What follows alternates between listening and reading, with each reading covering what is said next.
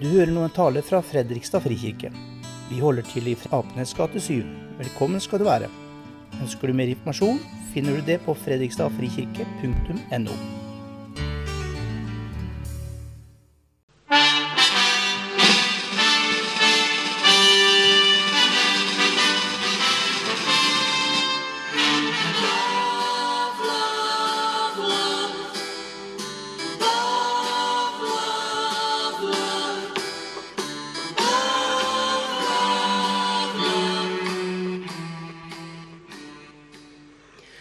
25.6.1967 skjedde verdens første globale direkte TV-sending med 400 millioner seere. Og det var The Beatles som for første gang framførte sangen sin 'All You Need Is Love'.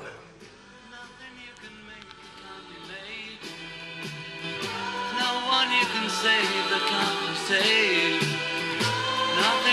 do, but you can learn how to be you in time.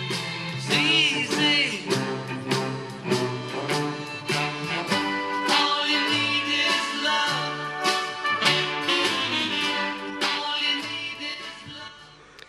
I ettertid har teksten blitt kritisert for å være i overkant naiv. Trenger vi virkelig ikke noe mer enn kjærlighet? Selv om det kanskje ikke virka sånn sommeren 1967, som siden har fått navnet The Summer of Love. Jo, vi trenger mer enn kjærlighet. Men uten kjærlighet blir livet ganske trist. Og da tenker jeg på mer enn den romantiske kjærligheten, selv om den ikke er å forakte. Men kjærligheten beveger seg på så mange plan. Kjærlighet i en familie. Kjærlighet mellom foreldre og barn. Kjærlighet mellom venner. Eller i en menighet. Det at noen faktisk bryr seg om meg. At noen er glad i meg. Hvor meningsløst ville ikke livet være om vi ikke hadde noen å være glad i? Eller om ingen var glad i oss? Hva skal vi leve for da? Denne søndagens prekentekst handler om noe som skjedde en liten tid etter oppståndelsen. Jesus møter disiplene sine på en strand ved Tiberiassjøen. Spesielt møtet med Peter er lada med spenning. Peter hadde tre ganger nekta for at han kjente Jesus før korsfestelsen. Han svikta vennen sin. Nå traff de hverandre igjen. Jeg kan tenke meg at Peter var flakkende i blikket da Jesus satte seg ned overfor ham og begynte å snakke. Og vi leser fra Johannes evangeliet kapittel 21. Da de var ferdig med måltidet, sier Jesus til Simon Peter.: Simon, sønn av Johannes, elsker du meg mer enn disse? Han svarte, Ja, Herre, du vet, jeg har deg kjær. Jesus sier til ham, «Føl lammene mine. Igjen. For annen gang sier han, Simon, sønn av Johannes, elsker du meg? Ja, Herre, du vet at jeg har deg kjær, svarte Peter. Og Jesus sier, Vær gjeter for sauene mine. Ja, så sier han for tredje gang, Simon, sønn av Johannes, har du meg kjær? Peter ble bedrøvet over at Jesus for tredje gang spurte om han hadde ham kjær. Og han sa, Herre, du vet alt. Du vet at jeg har deg kjær. Jesus sier til ham, Fø sauene mine. Sannelig, sannelig, jeg sier deg, da du var ung, bandt du beltet om deg og gikk dit du selv ville, men når du ble gammel, skal du strekke ut hendene dine, og en annen skal binde beltet om deg og føre deg dit du ikke vil. Dette sa han for å gi til kjenne hva slags død han skulle ære Gud med. Da han hadde sagt dette, sa han til Peter, Følg meg. Vi kunne tenke oss at Jesus ville ha en alvorsprat med Peter etter det som hadde skjedd før korsfestelsen. Kanskje burde Peter måtte legge seg flat, som vi gjerne krever av folk som har begått en tabbe. Og han skulle innrømme hva han hadde gjort, bedt om unnskyldning, sagt at det skulle aldri skje igjen. Men det virker som Jesus ikke var opptatt av det. Jeg tror han skjønte inderlig godt at Peter skamma seg over sviket sitt. Og jeg tror Jesus visste at ingen kan love at slike ting aldri skal skje igjen. For vi, for vi mennesker kan love så mye. Men de fleste av oss er såpass menneskelige at vi ofte gjør de samme dumhetene igjen.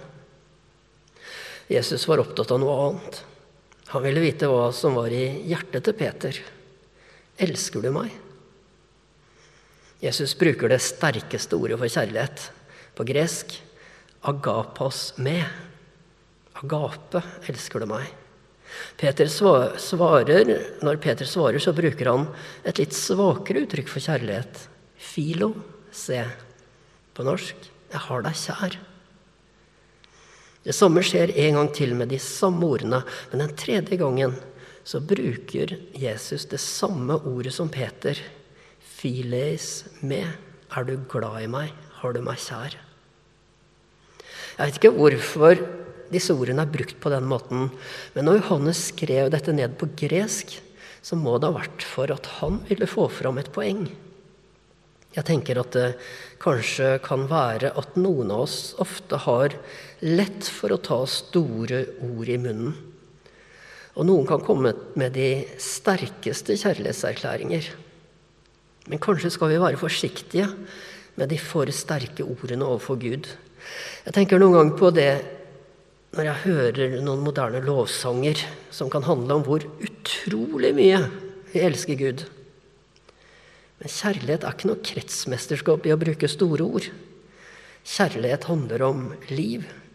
Kjærlighet handler om hva du gjør, ikke om Og la ikke ordene være større enn at de er sanne. Samtidig er det tydelig at Jesus er ute etter å høre hva som er i hjertet til Peter. Han spør ikke om han vil tjene ham, eller vil du gi livet for meg, eller vil du være lydig i alle situasjoner. Nei, han spør Peter om han elsker ham. Og Jeg tror det er akkurat det samme spørsmålet han stiller til deg og meg. Hvor er hjertet ditt? Elsker du meg? Eller er du en kristen av gammel vane, av plikt og dårlig samvittighet? Som en livsforsikring, eller hva det måtte være.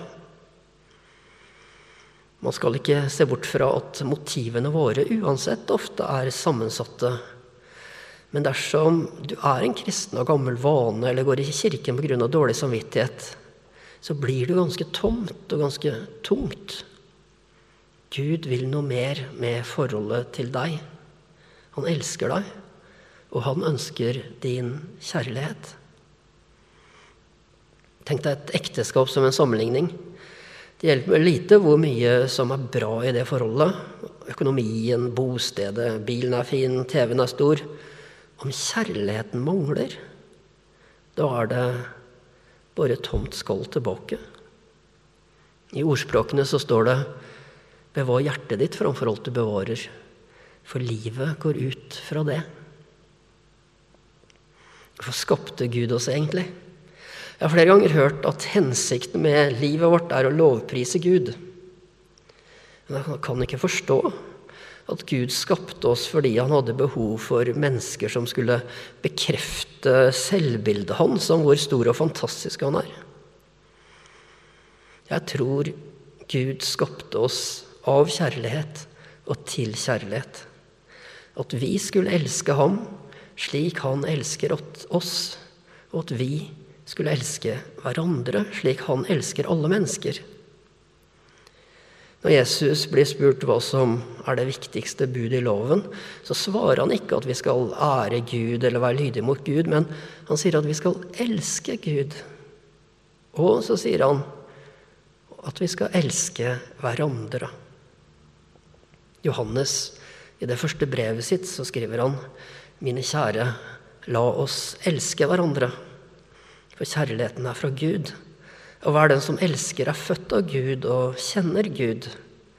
Den som ikke elsker, har aldri kjent Gud, for Gud er kjærlighet.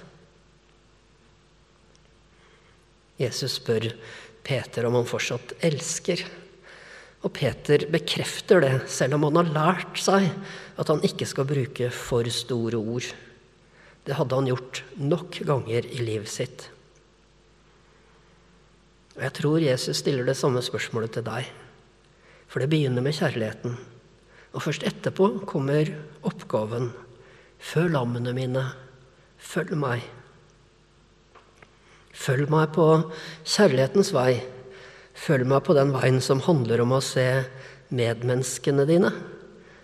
Aller mest de som andre overser. Følg meg på den veien som handler om å møte andres behov. Lege sår, gi fellesskap. Følg meg på den veien hvor vi ikke er så opptatt av de store ordene, men hvor det vi har i hjertet, og som viser seg i praktisk liv, er det som virkelig betyr noe. La oss be. Vår Far i himmelen, la navnet ditt helges. La riket ditt komme. La viljen din skje på jorden slik som i himmelen. Gi oss i dag vårt daglige brød, og tilgi oss vår skyld, slik også vi tilgir våre skyldnere. Og la oss ikke komme i fristelse, men frels oss fra det onde. For riket er ditt, og makten og æren i evighet. Amen. Ta imot Herrens velsignelse. Herren velsigne deg og bevare deg. Herren la sitt ansikt lyse over deg og være deg nådig. Herren løfte sitt åsyn på deg og gi deg fred. Amen.